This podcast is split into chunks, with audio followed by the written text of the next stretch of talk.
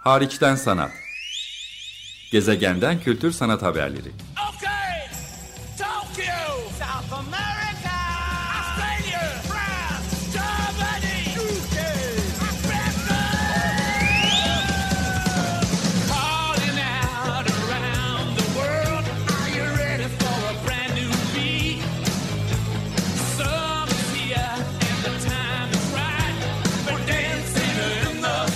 Hazırlayan ve sunan Çelenk Bafra.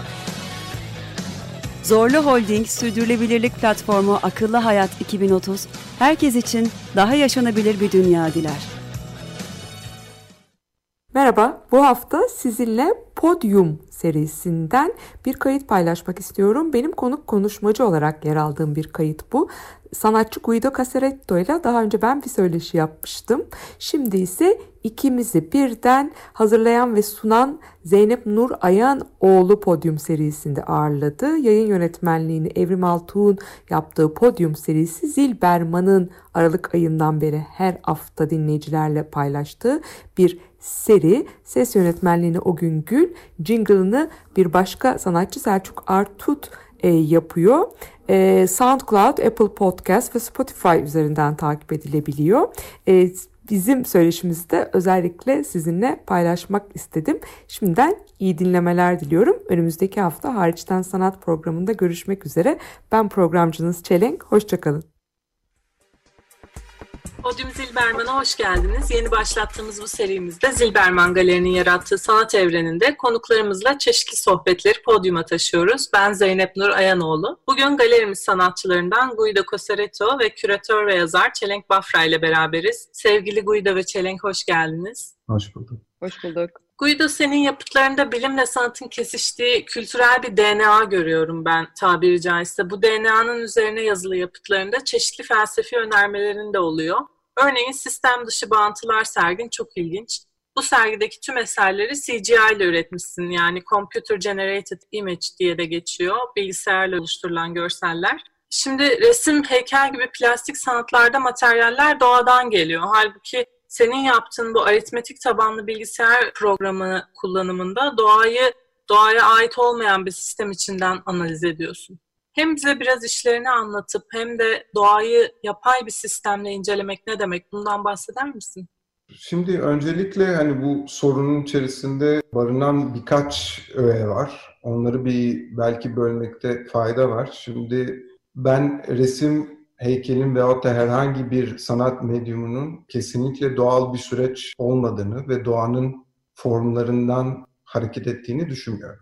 Yani aslında bütün bu medyumları ben teknolojik tabanlı, teknoloji tabanı derken de şunu kastediyorum. Yani teknolojinin ilk örneklerinden cam da bir yapıdır. Tabii ki doğal yapılar, doğal materyaller kullanır. Ama oraya kadar inersek bu bilgisayar algoritma tabanlı sistemlerin de hepsi kullandığı sistemler aslında doğal sistemler. Yani kapasitörlerle çalışırlar. Dolayısıyla ikisinin arasında pek fazla bir ayrım görmüyorum. Buradaki önemli ayrım algoritmayı veyahut da matematik tabanlı çalışan bir sistemin doğanın dışında görüyor olmamız. Şimdi orada çok ciddi bir hala devam eden bir tartışma var. Yani matematiğin buluntu bir nesne mi olması yoksa matematiğin gerçekten bizim mantıktan yola çıkarak ürettiğimiz bir sistem mi olduğu. İkisinin arasında proses olarak tabii çok büyük bir fark var ama hala tartışmaya çok açık. Yani bu dil olarak matematiğin bu kadar doğayla uyumlu bir şekilde çalışıyor olmasının bizim mantık tabanından gelmediğine dair işaret ediyor. Yani bir nevi neredeyse Platoncu bir şeye dönüşen, bir başka bir düzlemde var olan ve onun arasındaki ilişkiler üzerinden hareket ettiği. Çelenk Guido'nun söylediklerini sanat dünyası içinde biraz bağlama oturtalım isterim seninle. Bir videonu izledim. Lisedeyken arkadaşlarına güncel sanat diye bir şey varmış ve bu tam olarak benim yapmak istediğim şey dediğini anlatıyorsun ki şu anda yaptığın bu. Guido'nun kendini illa bir yere konumlandırmaktan kaçındığını biliyorum ama bu sergi bize kültürel incelemeler başında bir eleştiri sunuyor ve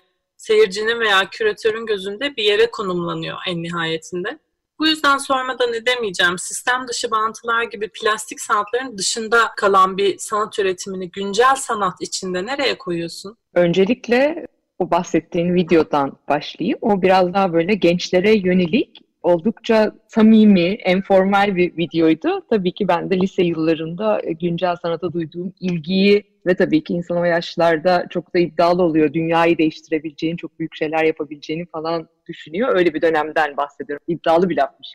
Ama yani güncel sanata olan ilgim ve bu alana yönelmem güncel sanatın çok bütünleştirici ve farklı disiplinlerden yararlanan, hepsinden beslenen ve üzerine de yeni ve eleştirel bir şey oturtabilen yanıydı o zaman da. Belki o anlamda cazip gelmişti bana. Guido'nun da sanat pratiğini tam da öyle bir yere oturtuyorum esasen. Yani biraz önce senin dediğin vurguladığın sergini mesela ben görsel sanatlar bağlamının dışındaki bir üretime işaret ettiğini düşünmüyorum. Tam tersine tam da içinden bir yerden geliyor. Ama onunla ilgili belki bir takım ikililikleri, dikotomiyi, takım alışa geldiğimiz ayrımları, birbiriyle çatışmalı gibi görünen kavramları ele alıp onları eleştirmeye çalışıp oradan yola çıkarak yeni şeyler söylemeye, üretmeye çalıştığını düşünüyorum Guido'nun.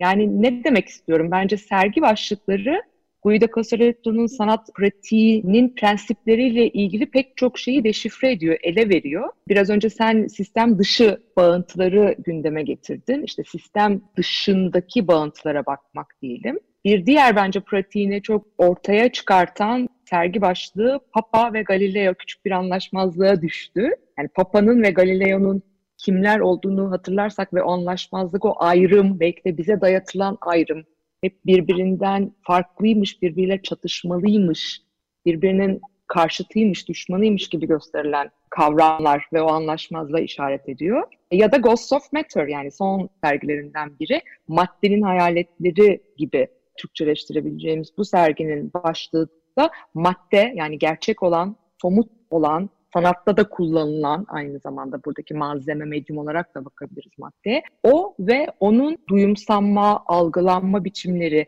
gerçekle hayalet arasındaki belki çatışma, asıl ile kopya arasındaki belki fark ve birbirinden farklıymış gibi hissetmemiz. İnsanla doğa ki insan doğanın bir parçası ondan ayrı olduğunu düşünemeyiz ama insan elinden çıkma ya da doğal olan doğadan çıkma ya da kültürle doğa arasındaki çatışma ve dikotomi. Benzer şekilde belki teknolojiyle üretilen işlerin yetenek, yaratıcılık, sanat değilmiş gibi görülmesi, yani teknolojiyle yeteneğin, yaratıcılığın arasındaki ayrım, inançla bilim arasındaki ayrım Papa ve Galileo'da gördüğümüz gibi, sanatla matematik arasındaki, gerçekle simülasyon ya da gerçekle kopya arasındaki bütün bunlara aslında bakıyor. Dolayısıyla gerçeğin üretimi, yeniden üretimi, onun algılanması, tüm bunların yöntemleriyle ilgili bir yerden meseleye bakıyor ve bütün üretim sürecinde, bütün o kavramsallaştırma süreçlerinde yani doğanın algılanma biçimleriyle ilgilendiğini görüyorum ben. Ve buna çok eleştirel de bir dil getiriyor. Bu dili de güncel sanat içinde getirmenin bence Guido'nun dönemindeki en önemli yolu dijital alana, bilgisayara artık gerçeklikle başka bir yerden iyice oynamaya başlayan sanal gerçeklik, artırılmış gerçeklik, dijital gerçeklik gibi yöntemlerle bunun nasıl üretilebileceği, üretilemeyeceği, nasıl algılanabileceği, algılatılabileceği üzerine oynamak. Dolayısıyla bugünün sanatında çok güncel bir yere o anlamda da dokunduğunu düşünüyorum. Son bir şey de şöyle ekleyebilirim. Yani Guido Casaretto bana dönem dönem böyle antik Yunan, Rönesans dönemi çok yönlü, çok donanımlı insanlarını hatırlatıyor. Bu insanlar aynı zamanda mucittirler. Yani teknolojiyle, teknikle, bilimle, matematikle iştigal ederler. O anlamda da bir yaratıcılıkları vardır ama hep daha gelişmeye, bilime, tıbba örneğin ya da matematiğe yönelik belki şeydir ya da teknoloji, teknik aletler de geliştirirler. Ama aynı zamanda filozoflardır. Kavramla, bunun tarihiyle uğraşırlar. Ve de sanatçı yönleri de vardır hakikaten. Resim, heykel gibi bildiğimiz bugün görsel sanatlar, güzel sanatlar alanında değerlendirdiğimiz alanlarda da yapıtları vardır. Sanki o dönemin sanatçıları gibi bugünün meseleleriyle, gerçeklik algılama biçimleriyle onların üzerinden ilişki, bağ kurup bugün güncel bir şeyler söylemeye çalıştığını düşündüğüm için bence tam bir güncel sanatçı ve hem senin referans verdiğin o daha erken dönem 2012'den kalmalı yanlış hatırlamıyorsam o sergi sistem dışı hem de hani sonraki bütün sanat pratiği ve sergilerin hepsini ben görsel sanatlar bağlamı içinde çok da anlamlı bir yere oturtuyorum. Guido hakkında araştırma yaparken senin işlerin için geleceğin arkeolojisi dendiğini gördüm. Geleceğin arkeolojisi müthiş bir tabir öncelikle. Dünya bilgisini hiper gerçekçi bir üslupla yeniden üretmeyi mesele ediyorsun sen ve bir yandan da bir illüzyon yaratıyorsun bu şekilde. Kültürel DNA'dan ve felsefi önermelerden bahsettim ya az önce. Felsefesine de girelim istiyorum biraz. Yarattığın zihinsel, duysal ve deneyimsel illüzyon sence mevcut gerçekliği iyileştiriyor mu yoksa onu ironiyle eleştiren bir potansiyel mi taşıyor? Benim niyetim yani bu çalışmalarımın bütünlüğünde hiçbir zaman aslında bir dünya bilgisi üretmek üzerine değil. Çünkü zaten kullandığım proseslerin hepsi hiçbir zaman bir bilgi üreten bir proses değil. Yani sanatın uygulama kısmında bir bilgi üretme aracı olduğunu düşünmüyorum. Yani şu anda yaptığımız tartışmanın daha fazla bilgi ürettiğini düşünüyorum kendi herhangi bir çalışmamla. Onun için dünya bilgisi üretmek gibi bir niyetim yok. Ama çalışmalarımın yapısında, bütünlüğünde, aşamalarında bir takım başka sistemlerden aldığım doneler var. Onları taklit ederken bile doneyi tekrarlayarak aslında o sistemi vurgulamak üzerine benim çalışmalarım. Şimdi hiper gerçekçi değinimi son zamanlardaki bazı çalışmalarıma işaret ettiğini farkındayım. Ama benim çalışmalarımdan hiçbir yani sürecimde aslında hiper gerçekçilik yok. Eğer tekrar ettiğim ya da kopyaladığım sistem hiper gerçekçi ise benimki de doğal olarak öyle oluyor.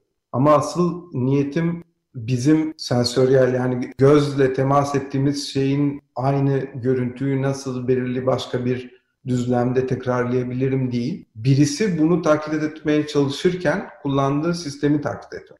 Burada mesela biraz önce CGI ve bilgisayar sistemlerinden bahsediyorduk. Bu çalışmaların tekrarı aslında direkt oradan yani hiperrealist olmasının sebebi dijital dünyanın hiperrealist olmaya çalışmasından kaynaklanıyor. Ki bu bence zaten çok ilginç de bir durum. Yani algoritmayla ürettiğimiz aslında materyal, fiziki dünyaya hiçbir bağımlılığımız olmadığı durumda biz hala gerçeği taklit etmeye çalışıyor olmamız bana mesela çok garip geliyor.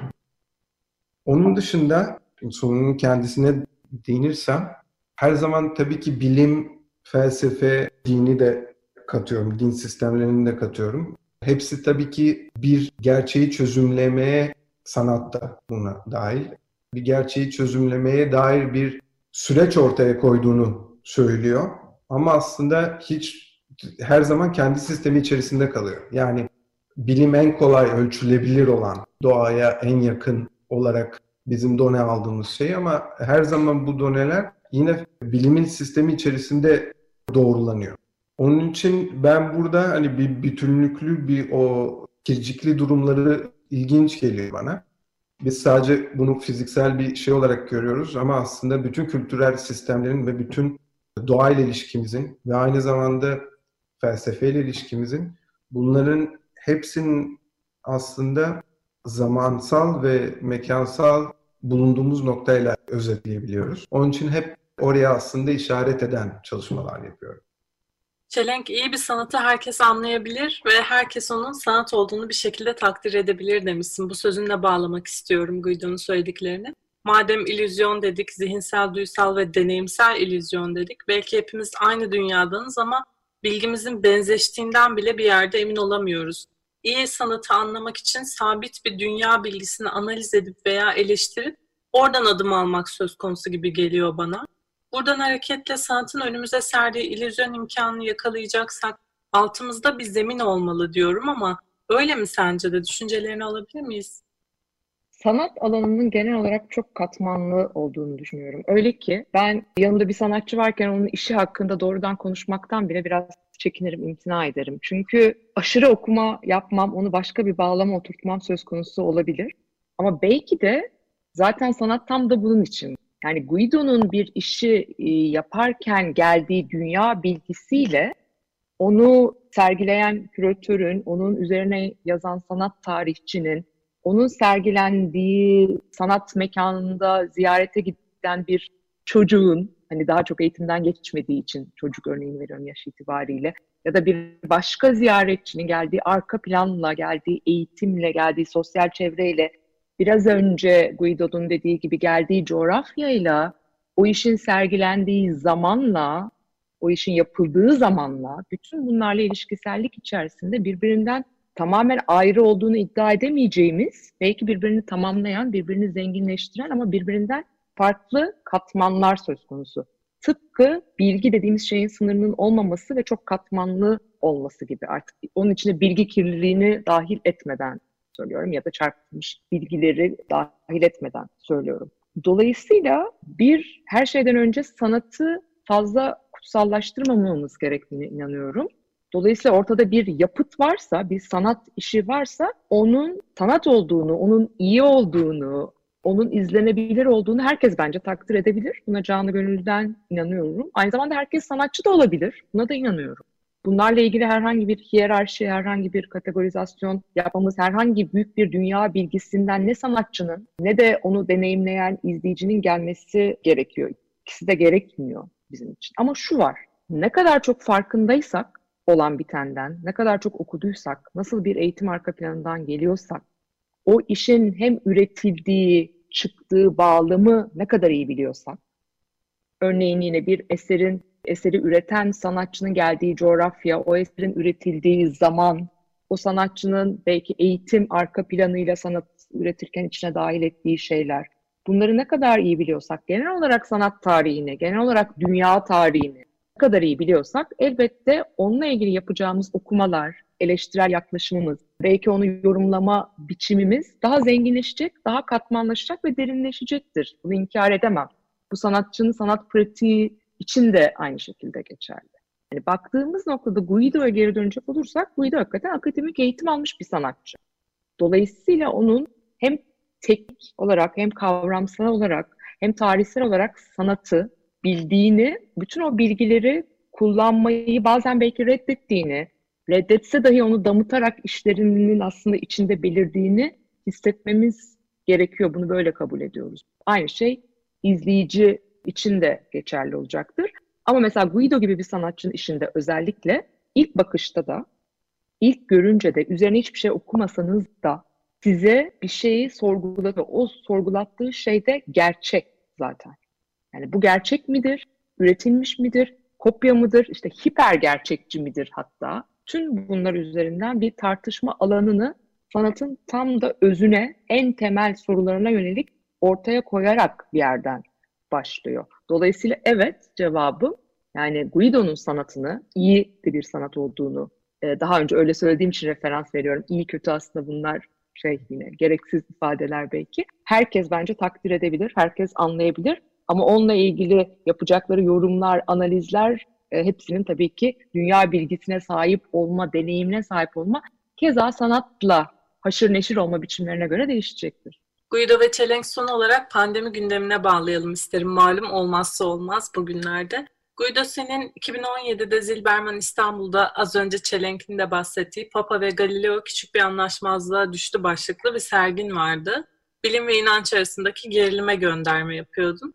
Şimdi 2020 dünyasında bu sergiyi güncellemek istesen nasıl bir yaklaşım ortaya koyardın gibi bir soru geldi aklıma. Pandemi üzerinden gidebiliriz ama başımızda sadece virüs salgını da yok. Yani post-truth dediğimiz sözde hakikat salgını da yerini iyice sağlamlaştırdı. Hemen aklıma gelen örnek Trump'ın oy sayımı bitmemişken kazandım demesi, Twitter'ın Trump'ın ve başka tweetlerine doğrulanmamış içerik uyarısı koyması mesela. Ne dersiniz? Benim açımdan düşünürsek şu anda aslında yani o sergiye de biraz gönderme yaparak şimdi böyle bir dönemin aslında benim mesela orada anlatmak istediğimi veyahut da onun değinmeye çalıştığım kavramları biraz daha kolay algılanır da hale geldi benim için. Mesela benim için olgu kavramıyla arasındaki bilgi kavramı arasında bir ayır eskiden ayrımlar çok daha yakınken şimdi çok daha açık hale geldi. Yani bir olgu olduğunu biliyoruz hepimiz. Ortada bir şey var, bir problem var.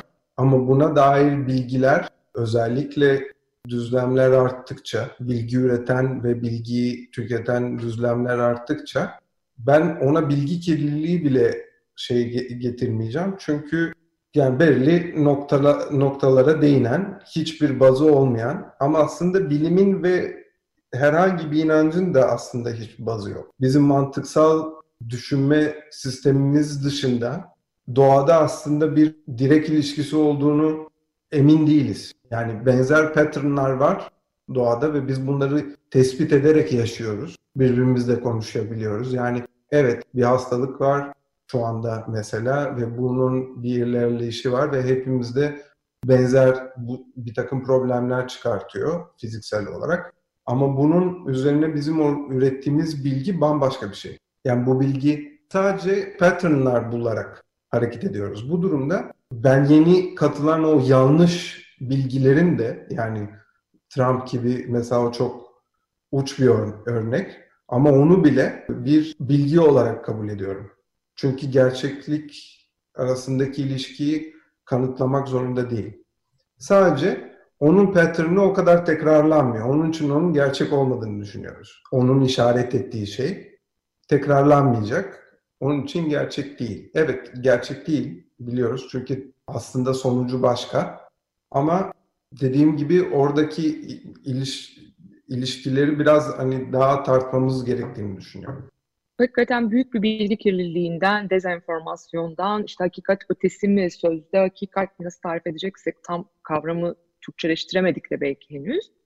Ama evet o post-truth dediğimiz hakikat ötesi bir zamandan geçiyoruz. Pandemiyle birlikte tüm dengemiz hepten bu anlamda da alt üst oldu. Sadece şunu söyleyebilirim yani sanatın bu noktada yine bize, hepimize sarsıcı, dönüştürücü, gözümüzü açıcı, algımızı değiştirici, bir şeyleri fark ettirici bir yanı olacak. Ben en çok ona güveniyorum, ona sığınıyorum yine böyle bir dönemde.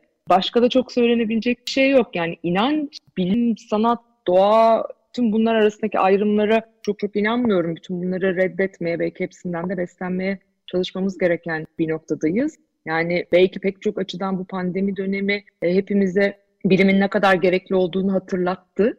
Ama diğer taraftan bilimin bile çaresiz kaldığı ya da bilimin kendi içinde bile bilinmezliklerle dolu hala virüs hakkında bunca aylık araştırmaya rağmen bildiğimizden daha çok bilmediğimizi fark ettiğimiz bir dönemden geçiyoruz diğer taraftan. Guido çok önemli bir şeye değindi bence. Hani bilgi kirliliği bile demek istemiyorum dedi. Evet doğru bilgi bombardımanı içerisindeyiz belki de. Yani o kadar çok farklı yerden, o kadar farklı kategoride, o kadar çok sayıda bilgi, imaj, haber, veri vesaire geliyor ki yani bunların güvenilirlikleri zaten tartışmalı. Belki hiçbiri güvenilir değil dediğin gibi. ispat edilip edilememeleri ve ne kadarlık bir sürede ispat edilecekleri tartışmalı. Her şeyden öncesi de biz bunların hangilerine ulaşıyoruz, hangilerine ulaşmamız isteniyor. Biz hangilerini seçiyoruz ve almayı tercih ediyoruz, inanmayı, kullanmayı, değerlendirmeyi, yaymayı hatta başkalarıyla paylaşmayı tercih ediyoruz. Belirleyici olan bu. Yani öyle bir dünyadayız ki şu anda paralel şeylerde dünyalarda diyeyim farklı farklı gruplar, kişiler farklı farklı seçtikleri bilgileri kullanıp farklı kabul ettikleri gerçekliklerle kendilerine yeniden bir dünya inşa edip içinde yaşıyorlar. Tıpkı aslında sanatta da yapılmaya çalışıldığı gibi diyebilirim bu noktada. Ve çok o yüzden çok zor yani bu kadar bilgi bombardımanı köprüğü adeta içinde ne yapmaya çalışacağında o birey çok büyük böyle varoluşsal neredeyse bir sorundan geçiyor. Bunu hepimiz hissediyoruz içinde bulunduğumuz bu yarı depresif ruh halinin sebeplerinden birinin de bu olduğunu düşünüyorum. Çok bilgi var ama hiçbir şey bilmiyorum. Ya da hiçbirine güvenemiyorum. Peki sanat yardımcı oluyor mu bize sizce bu noktada? Ben yardımını aldığımı düşünüyorum sanatın. Bu bilgi bombardımanından bana bir sanki ayrı bir vaha sağlıyormuş gibi geliyor bana. Evet tam, tam olarak onu demek istiyorum Zeynep. Çok sağ ol. Tam yani. Tam, o, o anlamda bana iyi geliyor. Tamamen. Ben sanatın öyle bir yetisi olduğunu düşünmüyorum ama size. Sen misyon yüklemek istemiyorsun belki Guido ama tüketen için böyle hissedilmiyor. İzleyen ya, için böyle hissedilmiyor. Evet. Yani done, doneleri elinde öyle bir done olduğunu düşünmüyorum sanatın. Yani çünkü bir doğrulama doğrulaması kendi içerisinde olduğu için sanatın sürekli aslında şu anda tartıştığımız şey o. Yani bir şeyin doğruluğu ve hatta gerçekliği başka bir yerde olması gerekiyor. Kendi içerisinde doğrulama yapan totolojik bir yapı. Evet, bizim için duyusal olarak çok uyarıcı. zihinsel olarak bir takım kavramlara o da bizi uyarıyor aslında. Yani düşünebilmek de, kavramlar üzerine düşünebilmek de çok önemli bir uyarıcı. Ama buradan belli bir bilgi veyahut da dış dünyaya dair hiç bir şey elde edebileceğimizi düşünmüyorum. Bu pesimist bir yaklaşım değil ama. Yo yo ben ben aslında sana katılıyorum. Ne demek istediğini anlıyorum. Kastettiğim bence benim de muhtemelen Zeynep'in de kastettiği oradan bir bilgi almak, bir şeyi doğrulamak, ondan faydalanmak gibi bir başarı ya da done doğrulayıcı bir şey değil en azından bendeki bu biçimde değil. Tam tersi belki bakış açını, perspektifini değiştirmek. Bir de şuradan e, bakmak ve o senin biraz önce söylediğin Guido yani o uyarıcı olması bir şeyi farklı türlü düşünme, algılama ihtimalini kabul ettiriyor bana sadece. Kafamı açıyor o anlamda, gözümü açıyor, ruhumu açıyor. Bir şey bir şey daha açıyor ama somut olarak bana kazandırdığı ya da herhangi birine kazandırabileceği, verebileceği herhangi bir şey, bilgi falan olduğunu ben de düşünmüyorum. Orada seninle hemfikirim açıkçası. Patolojik olduğunu düşündüğümde de mesela sanat sanattır diye baktığımda bir sanatı kendi özelliği içinde anlamak da o zaman önem kazanmış oluyor. Ve dediğim gibi ben onu üreten misyon sahibi bir sanatçı değilim. Sadece düz bir izleyiciyim kabul ederseniz. Ve düz izleyici olarak bu gözle baktığımda sanat sanattır totolojisi bile bana kendi içinde bir imkan sunuyor. O anlamda değerli buluyorum. Evet, yani aslında bizim zihnimizin sağladığı bir imkan o. Yani sanattan önce biz bunu yapabiliyor olmamızda aslında her gün biraz durup şaşırıyor olmamız gerekiyor. E, kolay bir kelime kavramıyla bu kadar binlerce yıl üzerine bunu düşünebiliyor ve hala heyecan duyabiliyor olmamıza yani şeyi bile düşünürsek hani tüm dini yapılar içerisinde sanatı da oraya koyalım diyorum. Çünkü aslında hiç dediğim gibi bir dış dünya ile ilişkisi yok. En tutarlı olan dini yapı sanat olabilir. Güzel bir son cümle oldu. Ben buna varım. Çok teşekkürler güzel sohbetiniz için Guido ve Çelenk. Çok teşekkür ederiz. Biz teşekkür ederiz. İyi ki geldiniz tekrar. Podyum Zilberman'ın sonuna geldik. Bir sonraki bölümde görüşmek üzere. Hoşçakalın. Hariçten sanat. Gezegenden kültür sanat haberleri. Okay,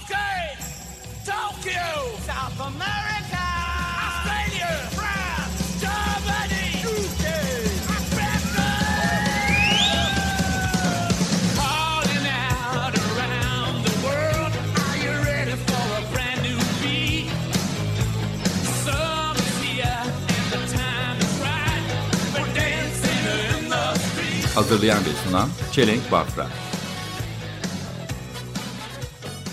Zorlu Holding Sürdürülebilirlik Platformu Akıllı Hayat 2030 sundu.